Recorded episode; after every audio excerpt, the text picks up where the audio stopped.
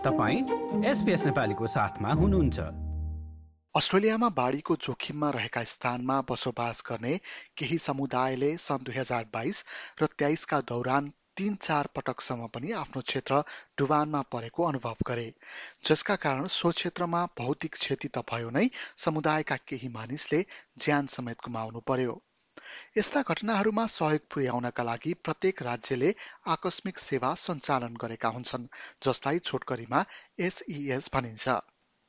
अस्ट्रेलियाको आकस्मिक सेवा क्षेत्रका अधिकारीहरू सम्भावित मौसमी परिघटनाहरूका लागि समुदाय पहिल्यै तयारी अवस्थामा जुट्नुपर्नेमा जोड दिन्छन्।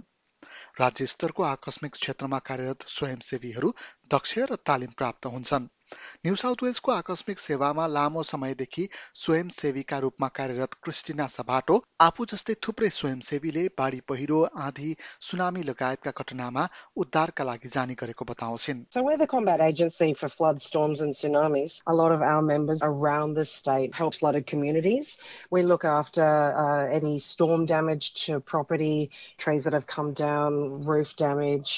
anything of that nature that's related to either flash flooding or storms. New south वेल्सको आकस्मिक सेवाकी सामुदायिक क्षमता अधिकृत डोरोथी ट्रान जोखिमपूर्ण अवस्था आइहाल्यो भने के के गर्ने भनेर योजना बनाउनु निकै जरुरी रहेको बताउँछिन् Before people actually look at drafting a plan, they need to know why they're drafting their plan. What is their actual risk? Do they know if where they live, work, or visit are areas that could be impacted by storms or floods? Storms can strike anywhere, so always being storm prepared is a very good thing.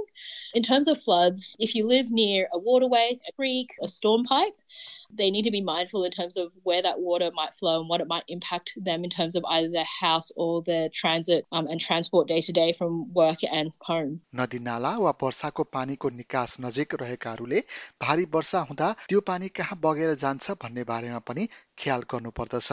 बाढी आएको खण्डमा आफ्नो घर काम गर्ने स्थान सडक सञ्जाल र आवत जावतमा कतिको असर गर्छ भन्ने बारेमा पनि बुझ्नु जरुरी छ। अवस्था अनुकूल योजनाहरू फरक हुने भए पनि जोखिमको सामना गर्दा आफू यथास्थानमै बस्ने वा त्यहाँबाट बाहिर सुरक्षित स्थानमा निस्कने भन्ने कुरा महत्त्वपूर्ण हुन्छ र त्यसका लागि यस्तो तयारीको आवश्यकता हुन्छ जसले मानवीय र भौतिक क्षतिलाई कम गरोस्। पानीको निकास वरिपरि बसोबास गर्ने मानिसहरूले मौसम सम्बन्धी जानकारीहरूलाई ध्यान दिएर सुन्ने वा पढ्ने गर्नुपर्दछ। यसका लागि मौसम विभागको वेबसाइट एप वा संस्थाले सामाजिक सञ्जालमा गरेका पोस्टहरूमा ध्यान दिन सकिन्छ। पानीको स्तर बढ्दै गएमा आफूसहित आफ्ना बालबालिका घरपालुवा जनावर र सरसामानको सुरक्षाका लागि कहाँ जाने र कुन योजना अप्नाउने भन्ने बारेमा तयार रहनु जरुरी छ।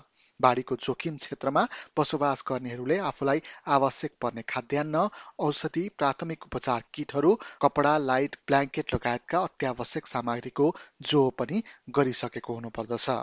Do they need things like medication day to day? You probably need to consider your basic necessities. So, having a spare set of clothes, having some water and food. If you have pets or any children in your family, making sure you've got items for them. So, pets probably need things like leashes, carriers, maybe some of their foods and treats. For kids, spare clothes, food for them if required, nappies if it's a baby or toddler, prams, and have something that's comforting as well.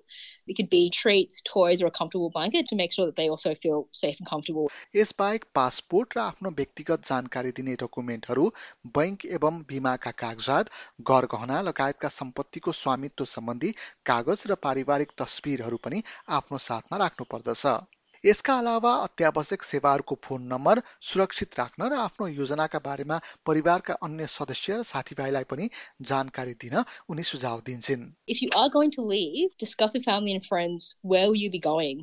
Can you go to another family and friends place outside of the affected area? Will you need to go to an evacuation center? If you're the main translator in your family, the main English speaker, the household members you have who might be left behind, do, do they know what to do if you're not in the house? We have heard of stories where grandparents looking after their grandkids a storm or a flood hits and do the grandparents know what to do with the kids if they need to evacuate? Sharing and practicing your plan is really important. घरका सबै सदस्यले आकस्मिक योजनाका बारेमा थाहा पाउनु जरुरी छ। यदि कोही सदस्यलाई अङ्ग्रेजी आउँदैन भने उनीहरूले एक्लै भएको अवस्थामा के गर्ने भन्ने बारेमा जानकारी हुनु जरुरी रहेको ट्रान बताउँछिन्। यसबाहेक बिमा कम्पनीले आफ्नो क्षेत्रमा रहेका बाढी पहिरो आदि वा हावाहुरीबाट हुने नोक्सानी आदिको भरपाई गर्छ कि गर्दैन भनेर पनि जानकारी राख्नु राख्नुपर्दछ आवश्यक परेको खण्डमा बिमालाई अध्यावधिक पनि गर्न सकिन्छ।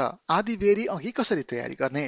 भारी वर्षा आदि वा बाढी आउनु अघि राज्य स्तरीय आकस्मिक सेवाले समुदायलाई जानकारी गराउँदछ। एसइएसका अधिकारीहरूले जोखिममा रहेका क्षेत्रमा मानिसहरूको घर घरमा पुगी जानकारी दिने र आवश्यक योजना बनाउन समेत मद्दत गर्दछन्। यदि भारी वर्षा र आदिको सम्भावना रहेको छ भने आफ्नो घरमा रहेका पानी जाने निकासहरूलाई सफा गर्नुपर्दछ।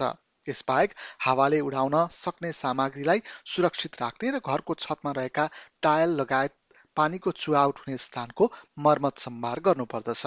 यसबाहेक आफ्नो कार रुखको नजिक पानीको बहाव हुने क्षेत्र वा क्षति हुन सक्ने स्थानमा पनि राख्नु हुँदैन।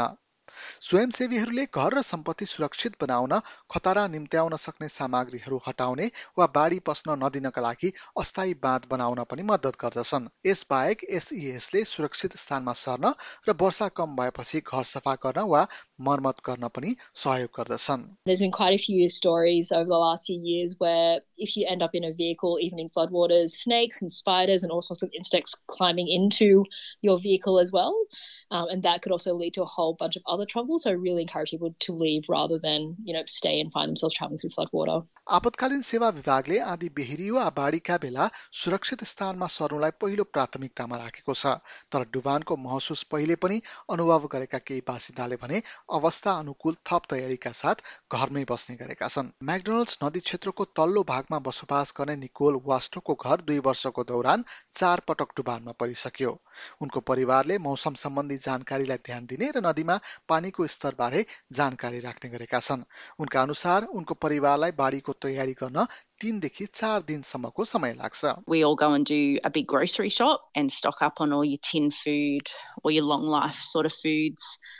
in case we get cut off. My husband goes and top up all the fuel jerry cans, so we've got heaps of fuel on hand for the generator for when we lose power. I fill the bathtubs with water just so we have fresh water for drinking or washing up. यसबाहेक गाडी र furniture लगायतका सरसामग्री माथिल्लो स्थानमा सार्ने गरेको उनको भनाइ छ उनीहरूले आवश्यक पर्दा काम लागोस् भनेर लाइफ ज्याकेट र सानो डुङ्गा पनि तयारी अवस्थामा राख्ने गरेका छन् Once that's done, you start lifting things from downstairs up, and then you're basically prioritizing moving cars, boats, anything you can move via trailers to higher ground. Then you bunker in and wait to see how high it comes. यसबाहेक आफ्नो घरमा पानीको मात्रालाई पनि जाँच्ने गरेको वास्टो बताउँछिन् We mark with a permanent texter on our wall in the staircase where that high tide mark was, and we'd write the date and the time. And then the next high tide, we would mark it again, and that would give us a guide if it had risen or had fallen.